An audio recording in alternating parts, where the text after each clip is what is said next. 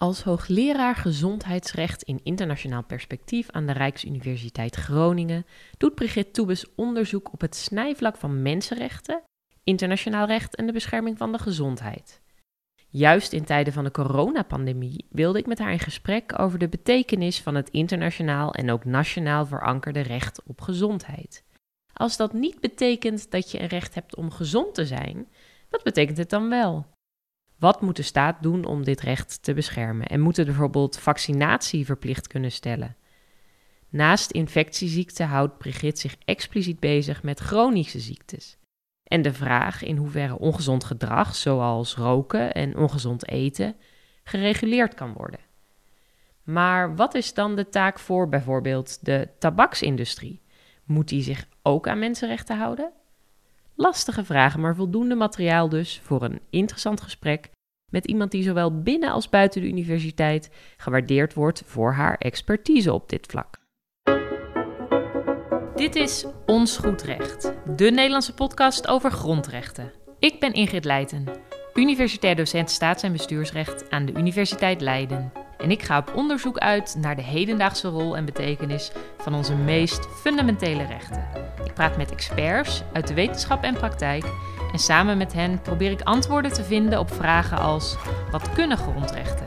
Wat niet? En hoe vertalen we ze van papier naar de werkelijkheid? Hartelijk welkom, uh, Brigitte, in deze podcast. Jij bent expert op het gebied van internationaal recht, mensenrechten en uh, bent in het bijzonder bezig met het recht op gezondheid. Waar komt bij jou deze fascinatie vandaan? Ja, mijn fascinatie uh, met mensenrechten die bestaat eigenlijk al sinds het eind van mijn studie.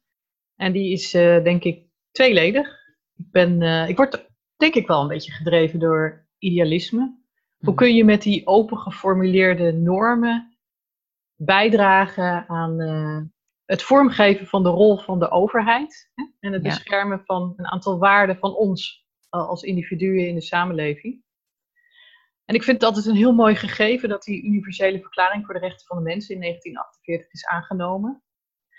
Echt als reactie op de verschrikkingen van het uh, naziregime. En dat, dat is dan zo'n instrument dat normen bevat om ons te beschermen tegen misbruik van macht door de overheid. In eerste instantie, maar het is natuurlijk veel meer. Mhm.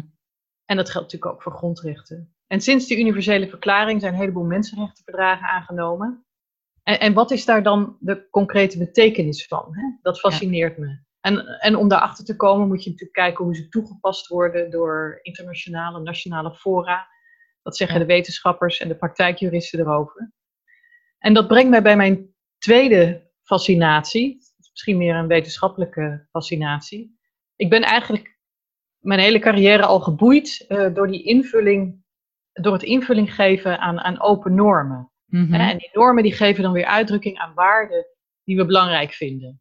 We voelen allemaal intuïtief aan dat, dat vrijheid van meningsuiting zo belangrijk is. Ja, ja. Maar, maar aan zich betekent dat natuurlijk niet zoveel. Hè? De uitdaging ligt erin uh, om zo recht handen en voeten te geven. En, en dat geldt natuurlijk des te meer voor dat recht op gezondheid. Ja. waar ik mij al best lang mee bezig hou. En, en daar ligt natuurlijk ook die uitdaging. Ja, ik denk als je mensen zegt je hebt een recht op, op gezondheid, dat daar al heel veel vragen naar boven komen. Wat, wat betekent dat dan? En hoe uh, heb ik een recht op gezond te zijn? Heb ik een recht om allerlei uh, medicatie te krijgen van de overheid. Um, ik, ik, denk dat dat recht op gezondheid, en dat is natuurlijk ook wel een van de redenen waarom ik uh, jou heb uitgenodigd, is de laatste tijd ook een stuk zichtbaarder dan het meestal is. Sowieso in de coronacrisis hebben we veel discussie over grondrechten, uh, vrijheden die worden beperkt, demonstratie, het huisrecht. Maar aan de andere kant ook het recht op, op gezondheid, recht op leven. Eh, allerlei verplichtingen die de, die de staat uh, daar, daarin heeft. Maar, maar wat voor rol speelt zo'n recht op gezondheid? Waar, waar, waar vinden we dat überhaupt? Wat voor rol speelt dat in deze crisis? Hoe wordt het concreet? Ja, nou, laten we eerst vaststellen dat dat recht op gezondheid uh, onderdeel uitmaakt van de categorie van de economische, sociale en culturele mensenrechten op mm -hmm. internationaal niveau. En die wordt vaak onderscheiden van de zogenaamde burger- en politieke mensenrechten. Ja. En dan op, op nationaal niveau, als grondrechten, hebben we het dan over sociale mensenrechten versus klassieke grondrechten. Dus het recht op gezondheid is dan een sociaal mensenrecht. Mhm. en, en we zien op internationaal niveau dat er twee aparte verdragen zijn aangenomen. Het internationaal verdrag in zaken economisch, sociale en culturele rechten. En het internationaal verdrag in zaken burger- en politieke rechten. IVESC en IVBPR. En beide aangenomen in 1966. Mhm. Dat was de tijd van de Koude Oorlog. En, en dat was een tijd uh, waarin er veel polarisatie was hè, tussen Oost en West. En er was ook geen overeenstemming over welke rechten nou belangrijk waren en erkend moesten worden. En uiteindelijk zijn er toen twee aparte verdragen aangenomen. Hè, dat, dat, en dat IVBPR werd dan heel erg gesteund door met name de VS. En dat IWESC werd dan meer gesteund door mhm. USSR. En uh, dat laat wel zien uh, dat ook uh, eigenlijk de universele verklaring uit 1948 zo'n innovatief instrument was. Want daar stonden wel al die rechten precies, in. Ja. Maar dat recht op gezondheid, dat staat dus in artikel 12 van het Mhm. En we vinden het recht op gezondheid ook in een reeks andere mensenrechtenverdragen die sindsdien zijn aangenomen. Het staat bijvoorbeeld heel belangrijk in artikel 12 van het VN-Vrouwenverdrag. Mm in, uh, het staat ook in het uh, VN-Kinderrechtenverdrag, ook heel belangrijk, ook als we het over preventie hebben, waar we straks op komen. Ja. En het, we vinden het ook in het VN-verdrag Handicap bijvoorbeeld. En in Europa vinden we het recht op bescherming van de gezondheid ook in het Europees Sociaal Handvest. En in onze grondwet vinden we ook iets dergelijks. Ja ik moet wel iets preciezer zijn, want artikel 22, eerste lid van de grondwet, zegt dat de overheid maatregelen treft ter, ter bevordering van de volksgezondheid. Mhm. Dus het is daar niet als een recht geformuleerd in onze grondwet, maar als een opdracht aan de overheid. En dat ja, geeft de problematiek natuurlijk wel weer. Jij stipte dat net ook al even aan. Want hoe moeilijk is het niet om, om dat recht op gezondheid vorm te geven? De overheid, in onze grondwet is ervoor gekozen om een opdracht aan de overheid te formuleren en het niet te gieten in termen van een recht. Ja. Nou ja, dat is dan tegelijkertijd die onderzoeksuitdaging die ik eind jaren negentig in mijn proefschrift gezocht heb. Hè? Dus definiëren of uitzoeken wat nou dat recht op gezondheid is. En eind jaren negentig was een tijd uh, dat er echt veel discussie was over die economisch, sociale en culturele rechten. Er was behoefte om ze gelijk te trekken aan die burger- en politieke mensenrechten. In 1993 was de zogenaamde Vienna Convention and Program of Action aangenomen door de toenmalige Mensenrechtencommissie. We hebben nu de Human Rights Council als hm. opvolger van de Human Rights Commission. En in die ver, uh, verklaring stond dat alle rechten interdependent en interrelated zijn. Dus Ja. zowel die burger- en politieke rechten en die economische en sociale en culturele rechten, die zijn gelijk en met elkaar verweven. Ja. Dus op papier stond toen, nou, ze zijn gelijk en ze zijn even belangrijk en ze versterken elkaar. Maar in de praktijk was natuurlijk heel veel dui- onduidelijkheid eh, over hun toepassing. Er was op dat moment ook heel veel eh, discussie over de zogenaamde justiciability Mhm. van die economische en sociale rechten. Zijn ze nou toepasbaar voor de rechter? Nou, nogmaals, dat handen en voeten geven van die economische en sociale rechten, dat is dus de uitdaging die ik toen in mijn promotieonderzoek eh, gezocht heb. En dat was heel erg pionieren. Ja. Hè, een, een veld dat, dat weinig ontgonnen was. En, en dat maakte het natuurlijk ook juist eh, spannend. Ja. ja, je ziet dan dus ook eigenlijk die tweedeling die je dus in 1966 ziet, die eigenlijk nog steeds een beetje een rol blijft spelen in hoe we omgaan met die economisch, sociale, culturele rechten. En we zijn het er wel over eens dat ze ondeelbaar zijn, maar als je ondeelbaarheid ook een beetje ziet als iets, nou ja, politieks, in de zin van als iemand geen goede gezondheid heeft, dan raakt dat ook aan een recht op leven. Dus ja, ze zijn ondeelbaar, maar ja, hoe, hoe uitzicht dat ook uh, juridisch? Hè? Kun je ook uh, zeggen, ik ga met mijn recht op gezondheid uh, naar de rechter en ik dwing wat af. dat blijft een beetje een spanning. Jazeker. En dat zie je ook hè, als je in Nederland naar de rechter stapt en zegt er is een schending van mijn recht op gezondheid. Mhm. Dan uh, zal de, de, is de verwachting dat de rechter zegt dat die norm uh, zich gezien haar aard en inhoud niet leent voor toetsing. En overigens, als je dat in Zuid-Afrika doet, heb je wel kans dat je succesvol bent met je claim. Want daar zijn wel een aantal zaken waar uh, met succes, mhm. met wisselend succes, het recht op gezondheid uit de Zuid-Afrikaanse grondwet is ingeroepen, ook voor het constitutionele hof. Dus dat is een interessant verschil. Ja. Maar je kan ook zeggen dat misschien de, de gezondheidsproblematiek daar zo schrijnend is, dat je misschien iets makkelijker tot, tot een, een uitspraak kunt komen, terwijl het recht op gezondheid de nuance mist om, om op de meer genuanceerde problematiek die we in Nederland hebben, een antwoord te bieden. Dat mhm. zou een mogelijke verklaring kunnen zijn. Wat wel zo is, is dat ehm, er in de tussentijd, de afgelopen twintig jaar, wel iets veranderd is. Want wij hebben nu wel algemene aanbevelingen. Mhm. Algemene aanbevelingen, dat zijn toelichtingen die aangenomen zijn door die mensenrechtencomité's op te verdragen. Ja. En er is een algemene aanbeveling nummer 14 die een toelichting vormt op artikel 12, recht op gezondheid in het IVESC. Mhm. En die aanbeveling zegt een aantal dingen die, die van nut zijn voor het beter begrijpen van wat dat recht op gezondheid is.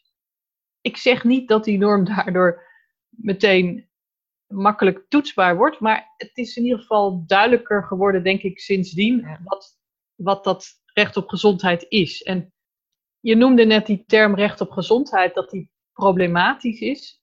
En daar ben ik wel een beetje met je eens, want we hebben natuurlijk geen recht om gezond te zijn.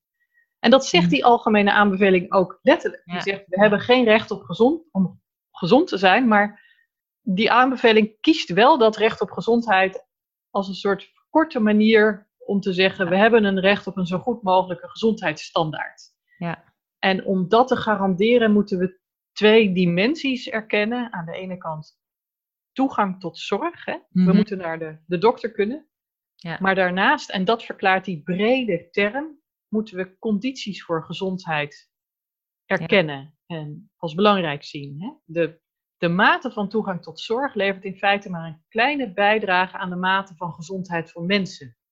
Dus en die, bij die condities voor gezondheid kun je denken aan een aantal concrete dingen. Heel belangrijk in veel landen nog steeds uh, toegang tot schoon drinkwater. Mm Wat ook steeds belangrijker wordt, is schone lucht. Maar ook dingen als hoe mensen consumeren. Ja. of die consumptiepatronen, uh, of de overheid je faciliteert om gezonde consumptiepatronen te hebben. Het is wel een heel complex verhaal, want eigenlijk is bepalend voor de gezondheid van mensen de hele brede leefomgeving. Mm -hmm. Ook een buurtje woont, wie je ouders zijn, waar je naar school gaat, waar je werkt. En dat zorgt er ook voor dat er grote gezondheidsverschillen tussen mensen zijn. Ja. Dat noemen ze dan de zogenaamde sociaal-economische gezondheidsverschillen. En dat is natuurlijk heel complex. En wat hoort dan wel en niet bij recht op gezondheid? En dan kom je eigenlijk uit bij al die economische, sociale en culturele rechten als geheel. Hè? Dan is recht op huisvesting ook belangrijk, recht op voedsel. Ja, dus, dus ook onderling zijn die heel sterk uh, met elkaar verbonden. Uh, als je dus het hebt over het recht op gezondheid, dan moeten we niet alleen kijken naar dat ene zinnetje in dat verdrag, wat soms wat lastig uh, handen en voeten geeft, maar ook naar al die informatie die daar omheen is verschenen. Dus inderdaad de, de general commands, het werk van, van het comité Economisch, Sociale, Culturele Rechten. En daar halen we dan eigenlijk meer uh, handvatten uit. En wat kunnen we daar nou ook voor die coronacrisis concrete dingen uit afleiden? Wat, wat zegt dat over de taak van de staat in deze tijden? Ja, je zou daar een aantal dingen uh, over kunnen zeggen. Ik, ik wil er één concept uitlichten. Mm Er zijn ook andere, maar ik, ik wil de zogenaamde triple AQ noemen, omdat ik dat een mooi kader vind. Hè? In artikel Algemene aanbeveling 14, paragraaf 12, die formuleert een aantal beginselen die uh, het begrip toegang tot zorg verfijnen. En dan kom ik op die, die engere kant van, van recht op gezondheid uit. Hè. In hoeverre hebben mensen nou toegang tot zorg? Ja. En het uitgangspunt is dan dat zorg moet voldoen aan die drie A's en die ene Q. Mhm. Dus zorg moet available, accessible, acceptable en of good quality zijn. Oftewel beschikbaar, toegankelijk en um, ja, aanvaardbaar. Ja. Ehm, en van goede kwaliteit. En, en dit raamwerk, ja, nog steeds heel open geformuleerd, zijn een aantal beginselen zou je kunnen zeggen. Maar zie je toch steeds meer verschijnen in allerlei beleidssettings, zowel op internationaal niveau als ook op nationaal niveau. Mm Ook NGO's nemen dat steeds vaker ter hand en, en bieden ook een mooi kader om te evalueren of de zorg in Nederland voldoet aan recht op gezondheid. Ja. En, en, en, en je ziet dat die uh, coronacrisis eigenlijk het recht op gezondheid wel op de kaart zet als, als belangrijke waarde en norm. Want de bescherming van de gezondheid staat in deze crisis centraal. Ja. En dan kom je uit bij recht op gezondheid. En nou ja, één mogelijkheid is dan. Ik wil zo dadelijk een paar, als het kan, een paar problemen aanstippen waar je dan vanuit die triple AQ op uitkomt. Maar mhm. wat ik eerst zou willen zeggen is tenminste zoals ik het op dit moment zie, maar ik vind dat complex, is je zou dat recht op gezondheid diametraal tegenover andere mensen kunnen zetten. En zeggen, nou, we moeten dat recht op gezondheid balanceren tegenover andere rechten als privacy, bewegingsvrijheid enzovoort. Hè? Dus dat is een soort balancing act die we dan de hele tijd moeten afwegen. Of, of we, we zetten dat verpleeghuis helemaal op slot mhm. en we gaan optimaal de gezondheid beschermen, of we gaan toch wat bewegingsvrijheid garanderen. Ja. Maar volgens mij is dat balanceren niet werkbaar. Ik kom daar niet uit. Ik, ik kom niet tot duidelijke uitkomsten door dat balanceren. Dus ja, ja. Waar ik dan op uitkom is dat het mij beter lijkt om te zeggen: hoe maak je een uitbraak van een infectieziekte human rights proof? Mhm. Dus uh, hoe neem je bij, de, bij een volgende uitbraak alle mensenrechten in acht. Recht op gezondheid, maar ook privacy, bewegingsvrijheid. En daar moet je dan dus over nadenken en scenario's voor verzinnen. Ja. Ja, dus de klassieke botsing, hoe we, het, hoe we het vaak willen framen, die is eigenlijk helemaal niet eens zo heel erg werkbaar. Ik kan me dat wel voorstellen hoor, want dan, dan dat suggereert ook een mate van kennis over uh, hoe die dingen tegen elkaar afwegen. Hè? Wat een beetje meer gezondheids Ehm, veiligheid, wat dat doet voor de vrijheid en wat de kosten en baten daarvan zijn. En dat is natuurlijk altijd het lastige van zo'n ja, zo'n afwegingsmetafoor, als het ware. Ja, daar kom ik op dit moment ook op uit, ja. Ja. Maar wie weet komen we nog tot andere inzichten in de toekomst. Ja, in ieder geval speelt het natuurlijk een belangrijke rol en moeten we het in ons achterhoofd houden. Hè, als we kritiek hebben op vergaande vrijheidsbeperkende maatregelen. Um, dat er ook zoiets is als een, als een recht op gezondheid en dat de, de staat daar ook een taak heeft. Ja. Uh, dus dat, dat we dat ook zeker niet uh, moeten vergeten. Het, tegelijkertijd, als je het nou hebt over de staat moet van alles doen voor gezondheid, dan zit daar ook wel een beetje het gevaar dat de staat misschien te, te veel wil verzorgen of, of wil regelen of ja, bepaalde keuzes wil maken die we aan de andere kant graag aan mensen zelf zouden willen laten. En ik denk dan bijvoorbeeld ook, en dat is natuurlijk ook eigenlijk een uh, corona-thema, uh, aan, aan, aan issues als uh, vaccinatie. vaccinatie misschien van, van kinderen, maar misschien ook tegen corona, waar je aan de ene kant kunt zeggen, nou, vanuit gezondheidsperspectief. hoe meer, hoe beter. Weet ik niet, maar dat, dat zou een, een opvatting kunnen zijn. En tegelijkertijd je wil de, de taak en de beslismogelijkheid van de staat ook weer niet te groot maken. Hoe, hoe, hoe gaat het recht op gezondheid met dat soort dilemma's om? Ja, inderdaad. Bij vaccinatie zien we diezelfde spanning tussen het beschermen van de gezondheid, van de volksgezondheid, moet ik eigenlijk zeggen, de public health, mhm. en die individuele mensenrechten die er uh, tevoorschijn komen. En uh, ja, vaccinatie zeker als je vaccinatie verplicht gaat stellen, uh, grijpt in op privacy, maar vooral de fysieke integriteit van mensen. Hè. Nou, en we hebben dat ook mooi verwoord in artikel 11 van onze grondwet. Die heeft het over de onaantastbaarheid van het lichaam. Dat mhm. zijn natuurlijk hele belangrijke waarden waar je altijd naar moet kijken als je, als je overweegt om, om verplichtende maatregelen uh, in te voeren. Want we hebben het over het, het, het inbrengen van een naald in iemands lichaam. Dat, dat is natuurlijk nogal wat. Ehm, ik denk dat corona een belangrijke stip op de horizon is als het gaat om vaccinatie. En daarom is het ook zo belangrijk om er nu over na te denken van hoe spelen die mensenrechten daar nou uh, een rol? Mm Wat nu het actuele probleem is, hoe, hoezeer we ook nu begaan zijn met corona, is, is toch de, de vaccinatie voor mazelen. Ja. Wat concreet bij, maatregelen, bij mazelen speelt, is dat het een erg besmettelijke ziekte is, die mhm. Tot ernstige complicaties kan leiden. Dat is in een aantal zeer beperkte gevallen het geval geweest. En, maar een heel belangrijk feit is dat uh, baby's pas bij 14 maanden gevaccineerd worden. En veel baby's gaan dus al voor 14 maanden naar de crash. Dat mhm. is, zeker in Nederland gaan baby's heel vroeg naar de crash. Kun je het ook over hebben, maar dat is een ander verhaal. En er zijn ook kinderen die zich vanwege een aandoening niet kunnen laten vaccineren. Dus er is een groep kinderen die door omstandigheden zich niet kan laten vaccineren. Maar ondertussen daalt de vaccinatiegraad. Ja. En dat is omdat toenemende mate ouders niet willen, hun kinderen niet willen laten vaccineren voor het reguliere vaccinatieprogramma. En er zijn allerlei verschillende redenen waarom ze dat niet willen. Mhm. Maar hierdoor daalde de vaccinatiegraad tot ongeveer 92 procent. Ja.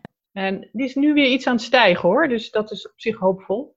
Ja, en is het zo dat de, de Wereldgezondheidsorganisatie die, die zegt het moet eigenlijk sowieso 90% zijn, als ik het goed heb. Ja, die, die grens wordt wel gezien bij 90%. Dus daarom mhm. waren Nederlandse gezondheidsautoriteiten ook heel alert. Van, goh, gaan we richting die 90%? Want dan kom je op, op een gevaarlijk niveau. En ja, dat roept hele eh, belangrijke mensenrechtenvragen op. Van, wat weegt nou zwaarder? Is het die vrijheid van ouders om hun kinderen mhm. niet in te enten? Ja. Of gaan we het hebben over de bescherming van kinderen, of beide. En ik heb ervoor gepleit om hier een aantal normen uit het kinderrechtenverdrag zwaarder te laten meewegen. Ik zeg niet per se beslissend te laten zijn, maar zwaarder te laten meewegen.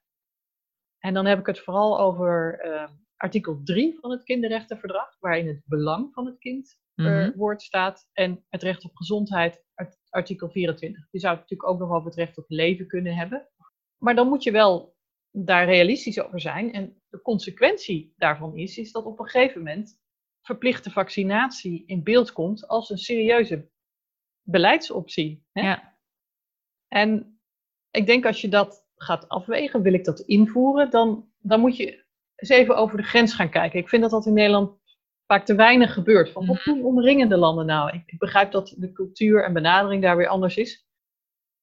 Maar in Duitsland bijvoorbeeld moeten eh, sinds maart dit jaar ouders hun kinderen laten vaccineren voor toegang tot een kinderdagverblijf of school. Mhm. En daar staat een boete van 2500 euro op. Dus dat is niet niks. Ja, ja. Frankrijk heeft iets vergelijkbaars. Kinderen die niet ingeënt zijn, worden niet tot een school toegelaten. Ja. Daar is geen sanctie, maar die kinderen worden dus niet toegelaten weet niet hoe dat in de praktijk werkt. Of ze dan werkelijk niet worden toegelaten. Dat is natuurlijk ook nogal wat.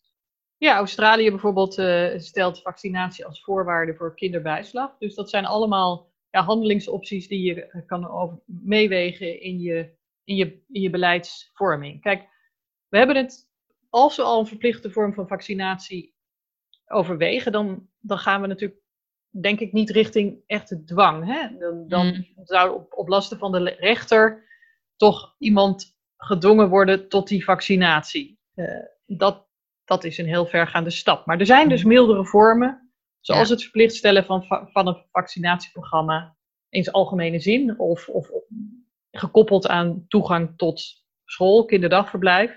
Ja. En, en welke sanctie verbind je daar dan aan? Ja, en dan zou je daar als argument uh, het kinderrechtenverdrag uh, bij kunnen opvoeren en zeggen, ja, we willen toch dat, dat belang van het kind zwaarder laten wegen. Hè? Ook het belang van het kind dat door die ouders niet gevaccineerd wordt, maar ook die andere kinderen op die crash. Ja, en dat zou dus ook parallel eh, een dergelijke discussie een rol kunnen gaan spelen als we het hebben over vaccinatie tegen, tegen corona. Ja, en, en wat ik interessant vind, hè, want de kwetsbare groep hier bij mazelen, dat, dat zijn dan vooral kinderen, Mhm. hele jonge kinderen. En bij corona zie je weer een andere groep kwetsbaar zijn. Dat zijn ouderen. Mhm. Dat zijn mensen met een chronische ziekte. Dat zijn mensen in verpleeghuizen. Dat zijn eh, mensen met obesitas. Ja. En dus zo zie je andere kwetsbare groepen. En dan kom je echt bij andere mensenrechtenverdragen uit. En dan kom je Ja. uit bij het, gehandicapte, bij het VN-verdrag gehandicap. Ik moet zeggen het VN-verdrag handicap, geloof ik. En ja, je kunt je ook afvragen, hebben we soms ook een eh, verdrag ter bescherming van ouderen nodig? En Mhm. daar is op VN-niveau ook wel discussie over. Die groep van ouderen die, die groeit Ja. Erg. En zijn die mensen zo, zodanig kwetsbaar dat ze belang zouden kunnen hebben bij een eigen verdrag? Ja. Ja, interessant. Sowieso gaat het dus eigenlijk zowel bij die, ook die vaccinatie van die kinderen, als eventueel eh, naar aanleiding van eh, corona, eh, over die kwetsbare groepen. En dat zijn nou, nou juist die groepen die we met dat hele mensenrechten eh, discours en met die mensenrechten normen die we hebben vastgesteld extra willen beschermen. Ehm, en ik vind ook wel, een, eh, hey, je kunt je natuurlijk ook afvragen, en zo'n recht op gezondheid, en zeker als het dan gedetailleerd wordt, eh, waar baseert zich dat op? Zijn dat nou eh, de, vooral juristen die, die zeggen wat er allemaal moet en, en hoe het moet? Maar daar is natuurlijk die link met ook de WHO altijd heel sterk. Hè? Dat je ook ziet in, nou, in de, de eh, kernverplichtingen die worden geformuleerd of in andere details die worden uitgewerkt op mensenrechtenniveau, dat daar sterk wordt verwezen ook naar de, eh, ja, naar de medische standaards. Eh, dus dat, eh, dat echt ook wel een op kennis gebaseerde uitleg is die aan dat recht wordt gegeven. Ja, inderdaad. Nou, dat is sowieso een interessante opmerking, want de WHO, eh, als je naar de, het statuut van de WHO kijkt, dan zie je dat de WHO aanzienlijke bevoegdheden heeft om ook bindende standaarden aan te nemen. Mhm. Maar de WHO heeft helaas heel weinig gebruik gemaakt van die mogelijkheid en heeft in totaal maar drie bindende standaarden aangenomen. Ja, En de juristen zouden er eh, toch wel heel blij van worden, denk ik, als er meer bindende standaarden aangenomen werden. De bindende standaarden die we hebben, dus er is de internationale gezondheidsregeling, die dus Mhm. heel relevant is voor de, de coronacrisis nu. En die een doorwerking ook heeft in de Nederlandse wet publieke gezondheid. ja, En er is ook een eh, verdrag in zaken tabaksontmoediging. En eh, wat mij betreft zou er meer interactie kunnen zijn tussen mensenrechten en die WHO-standaarden. En ik denk dat de inhoud van die WHO-standaarden heel mooi die mensenrechten zou kunnen voeden. En waar de Ja. WHO-standaarden baat bij hebben, is, is verantwoording afleggen voor die standaarden ook in mensenrechtenfora omdat Mhm. die WHO-standaarden wel juridisch bindend zijn. In ieder geval die twee waar ik het net over had. ja. Maar er zijn geen sanctiemechanismen binnen de WHO.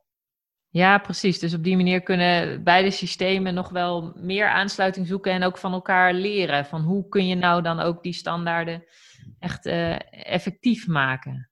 Zeker, ja. Ja. ja. Eh, je noemt ook al dat eh, van tabaksontmoediging. Ik denk dat dat ook een beetje aansluit bij waar we het eerder al over hadden. Dat een recht op gezondheid ook gaat om een aantal ja, onderliggende eh, sociaal-economische eh, uitgangspunten. Ehm, het ja, zorgen voor voorkoming van bepaalde ziekten. Eh, je hebt daar ook veel onderzoek eh, naar gedaan. Eh, misschien kun je daar nog iets over vertellen. Ja, zeker. Want we hebben het nu over corona gehad. Hè, en, en dat is een infectieziekte. Mhm. Maar eh, interessant genoeg ging mijn onderzoek tot de uitbraak van corona voornamelijk over de zogenaamde chronische ziekten. Mhm. Hè? Dus ziektes als kanker, diabetes, hart- en vaatziekten. En ik was daarmee bezig omdat die ziektes voor veel meer sterfte zorgden dan infectieziekten. Als je, wereldwijd, als je kijkt naar de, eh, naar de statistieken. En niet alleen eh, onder mensen op hoge leeftijd. Hè? Dus het is dus ook grote, dus is ook veel sterfte onder mensen onder de 70. Ja. En wat een heel belangrijk gegeven is bij die ziekte, is dat het voorkomen eh, van die ziekte een, een zaak is van, van ongezond gedrag. Dus die Mhm. ziekten zijn voor de helft vermijdbaar als we gezonder leven. Even kort gezegd, hè? we moeten niet roken, we moeten gezond Ja. eten, we moeten voldoende bewegen en we moeten niet of matig drinken. Ja, Ja, leuker kan ik het dan even niet maken. ja.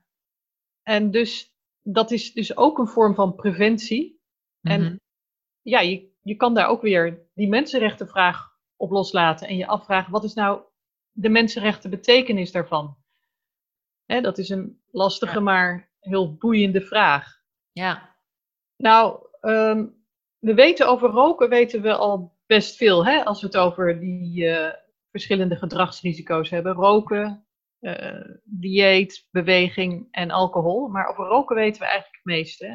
Het is best schrijnend wat je daar ziet. Hè? Alleen bijvoorbeeld in Nederland rookt 22% van de volwassen bevolking nog. Mhm. En dat leidt tot 20.000 doden per jaar. Nou, dat is Ja. Wow. per jaar veel meer dan corona. Dus dat is echt wel, wel schokkend. En ja, dat zien als een mensenrechten-issue is ingewikkeld. Maar die spanning boeit mij tegelijkertijd ook heel erg. Dus om gezondheid te beschermen, moet je dat roken, dat ongezond dieet en dat alcoholgebruik gaan terugdringen. Mhm. Ja, dat is ingewikkeld. Maar ik denk dat het geïnformeerd wordt door eh, wat we weten, is dat een aantal maatregelen bewezen effectief zijn. En dat de WHO spreekt daar ook veel over. Hè. Je moet eigenlijk voornamelijk de prijs van die ongezonde producten omhoog go- gooien, het aanbod terugdringen en de marketing sterk terugdringen. Ja. En ja, we weten dus dat- dus dat als we die maatregelen invoeren, dat we goed bezig zijn, dat we ongezond gedrag terugdringen. Mhm. Maar je raakt daarmee wel aan individuele vrijheden. Ja. En een concreet voorbeeld zijn natuurlijk rookverboden. Ja. Hoe ver wil je daarmee gaan? We hebben de, de publieke gebouwen eh, rookvrij. We gaan zones om gebouwen gaan we rookvrij maken. Maar gaan we ook straten rookvrij maken? Gaan we ook verbieden om in, in de auto te roken? Hè? Een aantal landen doen dat. Gaan we mensen ook verbieden om in huis te roken? Ja, ja, ja. Dat zijn natuurlijk hele spannende vragen vanuit mensenrechtenperspectief. Ja, en daar zijn natuurlijk steeds ontwikkelingen gaande. Want wat we vandaag de dag eigenlijk heel normaal vinden en accepteren, was waarschijnlijk eh 10, 20 jaar geleden nog, eh, nog vrijwel ondenkbaar. En dat, dat hangt dus samen ook, als ik, als ik jou goed begrijp, met ook meer kennis over de, ja, de consequenties en, en de manier waarop je het zou moeten aanpakken als, als staat. Zodat je dat dan ook als, ja, als mensenrechtenbescherming kunt gaan eh, oppakken en een beetje meer doorpakken als staat. Ja, inderdaad. Ja, nogmaals, dat dus een aantal van die maatregelen bewezen effectief zijn, om dat even heel concreet te maken. In Australië wisten ze met een heel duur pakje sigaretten het aantal rokers van ongeveer 24% van de volwassen bevolking terug te brengen naar 12%. Mhm. Ja, dat Dat, tel uit je winst. Dat Ja. zijn eh, tienduizenden doden per jaar minder. Ja. En, en tegelijkertijd, eh, je bent dan wel natuurlijk aan het vechten ook tegen eh, nog een hele grote macht al- als overheid of als de wetenschapper die dat, dat ondersteunt, namelijk de, ja, de, de private markt en de grote stakeholders die daar een rol spelen. Ja, dat is inderdaad gigantisch. Dus die overheid heeft primair de verantwoordelijkheid om tabak te reguleren, zou ik Ja. zeggen. Maar daarnaast zijn er die, die, al die andere actoren, Ja, tabaksindustrie, maar ook andere actoren in het gezondheidsveld, die heel veel macht hebben, kun je Mhm. denk ik wel zeggen. En invloed uitoefenen door hun manier van opereren, door de producten die ze produceren, op onze gezondheid, ons welzijn en soms zelfs op ons leven. Ja, En ik vind het meest schrijnende voorbeeld vind ik wel de tabaksindustrie, want die, maken, die produceren een dodelijk product en Mhm. dat zetten zij op de markt. Dat, dat had je als Ja. overheid natuurlijk nooit goed moeten vinden. En daar moet ook wat aan gebeuren. Maar die, die, die, die industrie is daar zelf ook bij. Die Ja. produceren dagelijks een dodelijk product. En dan kun je je dus ook afvragen, wat betekent dat nou vanuit mensenrechten? En je kunt zeggen dat een tekortkoming van het mensenrechten instrumentarium zoals we het hebben, is, is dat het alleen staten bindt. ja, dus niet direct die, die ondernemingen. Mhm. En daar zouden we het over moeten hebben. Er, er is nu ook wel een verdrag in zaken business en human rights eh, in de maak. Ja. En wat verder een concreet handvat is, dat zijn de zogenaamde Ruggie Principles. Mhm. Principles on Business and Human Rights, die aangenomen zijn door voormalig speciaal rapporteur in zaken Business and Human Rights, Ruggie, John Ja. Ruggie, in 2011. En die beginselen die zeggen dat ondernemingen de verantwoordelijkheid hebben om mensenrechten te respecteren. Nou, dat is natuurlijk. Ten eerste hebben, ze het niet, hebben die beginselen het niet over een juridische verplichting, maar ze hebben het over een verantwoordelijkheid. Dus dat is al iets afgezwakt. Ja. En ten tweede is er dan alleen die, die verantwoordelijkheid om te respecteren. Hè, dus in, in ja, ja. gerechte termen wordt wel vaak gesproken over respecteren, beschermen en verwezenlijken. Dus dit is iets beperkter.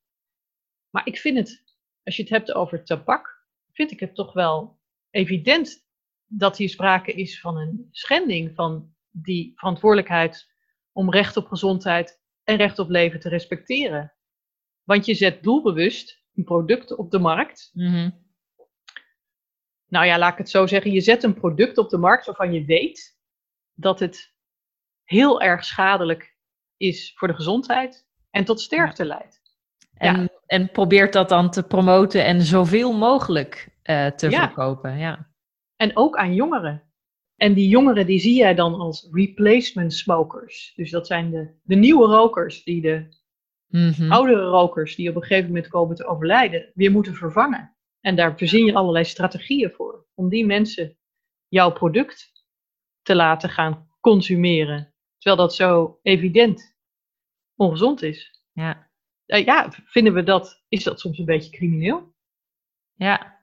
Ja, het is wel schrijnend. Je kunt zeggen, doordat die, die private actoren zo machtig zijn, moet je de staat nog meer macht geven om daar in te grijpen. Hè? Al dan niet op basis van, van mensenrechten, maar je kunt ook zeggen, wat ik bij jou hoor, van nou ja, je moet ook naar die ondernemingen zelf gaan kijken en daar ehm, wellicht stappen maken in het ja, ze, ze meer binden aan, aan toch mensenrechtennormen en dan dus niet alleen het respecteren van hè, blijf, blijf er van af, maar ga er ook actief aan de slag met, eh, met de bescherming daarvan. Ja, zeker. Ik, ik, we hebben een paar zaken gezien op basis van het eh, WHO tabaksontmoedigingsverdrag tegen de overheid. Mhm, Ja, Maar ik zit eigenlijk te wachten op die spannende mensenrechtenzaak tegen een tabaksondernemingen. ja, precies. Die zaken tegen de staat gaan dan over. Moet de, eh, moet de staat inderdaad verplicht worden om, om die rookruimtes te verbieden, et cetera? En wat halen we dan uit, uit die WHO-normen? Kan de rechter daaraan toetsen? Maar dat zou nog een veel directere eh, aanpak zijn, inderdaad. Ja, maar ook wel ingewikkeld en ook indirect, want je moet dan gaan nadenken over eh, horizontale werking. Hè? Ze- Mhm. en, en, en zijn die tabaksfirma's gebonden aan die mensenrechten? Maar ja, dat, daar ligt dan wel de uitdaging. Hè? Ik zou zeggen, the proof of the pudding is in the eating. Eh, zoals mijn eh, voormalige promotor Fried van Hoof altijd zei. Dus dat, dat zou heel, eh, heel spannend kunnen zijn. Ja. Ja, waar ik dan toch ook wel weer aan denk, ook naar aanleiding van eerdere gesprekken die ik had. Hè, we moeten tegelijkertijd ook een beetje daarvoor oppassen dat we eh, die, die mensenrechten en die grondrechten overal op van toepassing willen verklaren. Want ja, we moeten toch voor zorgen dat ze niet aan inflatie onderhevig gaan zijn. En ik merk in de discussie, ook internationaal daarover, wel ja, dat mensen dan toch als eerste vaak kijken naar die, die economische, sociale, culturele rechten. Hè? Alsof daar het gevaar te groot is dat we er misschien te veel van verlangen of dat dat te veel ja, consequenties heeft voor eh, het budget van de staat en dat je nog steeds die tweedeling daar een beetje in ziet. Daar wil ik ook wel echt eh, zelf ook voor waken. Hè? Dat je dus ehm, de, de voorzichtigheid bij het erkennen van meer grondrechten en het ruim interpreteren en toepassen ervan, dat, dat dat niet moet leiden tot weer een versterkte tweedeling tussen klassieke rechten met in eerste instantie negatieve plichten voor de staat en aan de andere kant de, de sociaal-economische rechten. Ik weet niet of jij daar, daar nog iets van vindt. Ja, nou, ik ben dat gewoon ook wel met je eens. Uh, ja, het feit dat ik me met dat veld bezig hou, wil niet zeggen dat ik per se vind. Het is natuurlijk ook een onderzoeksbelangstelling, maar dat we dat te alle tijden sterker moeten uh, naar voren brengen. Maar ik, ja, ik wil misschien toch nog even terugkomen, nog een keer op die 20.000 uh, tabaksdoden. Ik vind dat Mhm. behoorlijk schrijnend. Ja, En uh, dus dat, dat hou ik dan wel voor ogen. En Ja. ik, ik zie daar nog wel meer uitdagingen. Hè? Dus ook voedselindustrie, eh, alcoholindustrie, Ja. farmaceutische industrie. Nou, dat is weer een andere problematiek. Maar dat zijn toch allemaal wel actoren die, die, die mensenrechtenverantwoordelijkheden hebben. En, Ja, en, en thema's waar je dus eigenlijk met goed fatsoen niet van kunt zeggen dat ze niet met mensenrechten te maken hebben. Je hebt het ook wel de discussie over klimaatverandering en al dat soort dingen.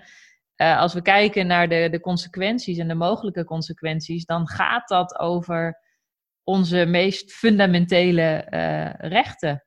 Daarbij. Ja, het grijpt diep in op ons, eh, op ons functioneren, op ons welzijn, op onze gezondheid. Ja, we er- ervaren gezondheid toch denk ik ook wel als een hele belangrijke waarde. En we zien nu ook hoe die coronacrisis diep ingrijpt op, op, op, op ons functioneren. Dus Ja. ik denk toch dat we daar eh, ja, naar moeten kijken en consequenties aan moeten verbinden. Ja, en, en inderdaad ook wat je ook vanuit dat ondeelbaarheidsperspectief nog kunt zeggen, als, ook als voorwaarde als het ware om, om van je andere rechten gebruik te kunnen maken. Want het is, het is leuk en aardig als jij je, je klassieke vrijheidsrechten hebt en je kunt stemmen en demonstreren en je mening uiten, maar op het moment dat jouw gezondheid zodanig is, hè, of jouw, jouw woonsituatie of wat dan ook, dat, dat dat überhaupt niet mogelijk is, dan, dan heb je ook aan die, aan die klassieke burgerrechten eigenlijk niet zoveel. Nee, dat ben ik met je eens. Ja. Interessant. Ehm, heb jij misschien ter afsluiting nog, nog iets wat je kwijt wil, iets waar we aan zouden moeten werken? Ja, ik, denk ik, ik, ik denk dat we wel wat meer die mensenrechtenbenadering, hè, gericht op burger- en politieke rechten en economische en sociale rechten, wat meer zouden kunnen laten doordringen in eh, wetgeving in en beleid. In mijn veld bijvoorbeeld het beleid ten opzichte van tabaksregulering, vaccinatie, infectieziektebestrijding. Ja. En daar dan eh, echt een holistische benadering met aandacht voor al die mensenrechten gebalanceerde benadering. Soms wordt er gesproken over human rights-based approach. Wat Mhm. dat dan precies is, wordt niet altijd precies duidelijk. En, en soms dus echt aandacht dan voor die specifieke kwetsbare groepen. Ja. En als het gaat om eh, beschermen van de volksgezondheid, ja, dus zou ik toch willen zeggen dat we toch wat meer moeten gaan denken vanuit het perspectief van preventie. Mhm. Onze overheid heeft daar de afgelopen decennia behoorlijke steken laten vallen. En, en accepteren dat dat soms tot een andere afweging leidt. Hè? Dus om kwetsbare kinderen, Ja. ouderen te beschermen, moeten we soms een stukje bewegingsvrijheid, privacy of fysieke integriteit opgeven. Heel spannend. Maar we leven in een heel dichtbevolkt land. En om goed samen te leven, moeten we soms iets opgeven. ja. Uitdagingen te over in elk geval als we, als we dat zo allemaal bespreken. Hè? Corona, vaccinatie, allerlei preventiemaatregelen die wellicht nog, eh, nog nodig zijn. Eh, de rol van ondernemingen daarbij. Heel erg bedankt voor alle eh, boeiende informatie en eh, ik denk ook voor ja, toch wat duidelijkheid omtrent een heel belangrijk, maar niet altijd heel erg bekend of begrepen recht, namelijk het recht op eh, gezondheid. Dankjewel, succes verder met alles en graag tot ziens. Heel veel dank. Ik vond het heel leuk om bij te dragen aan je mooie podcast. Dankjewel. Dit was Ons Goed Recht. Heel graag tot de volgende aflevering. Vragen en suggesties zijn van harte welkom, bijvoorbeeld via www.ingridleiten.com. Deze podcast is mede mogelijk gemaakt door de Young Academy Leiden.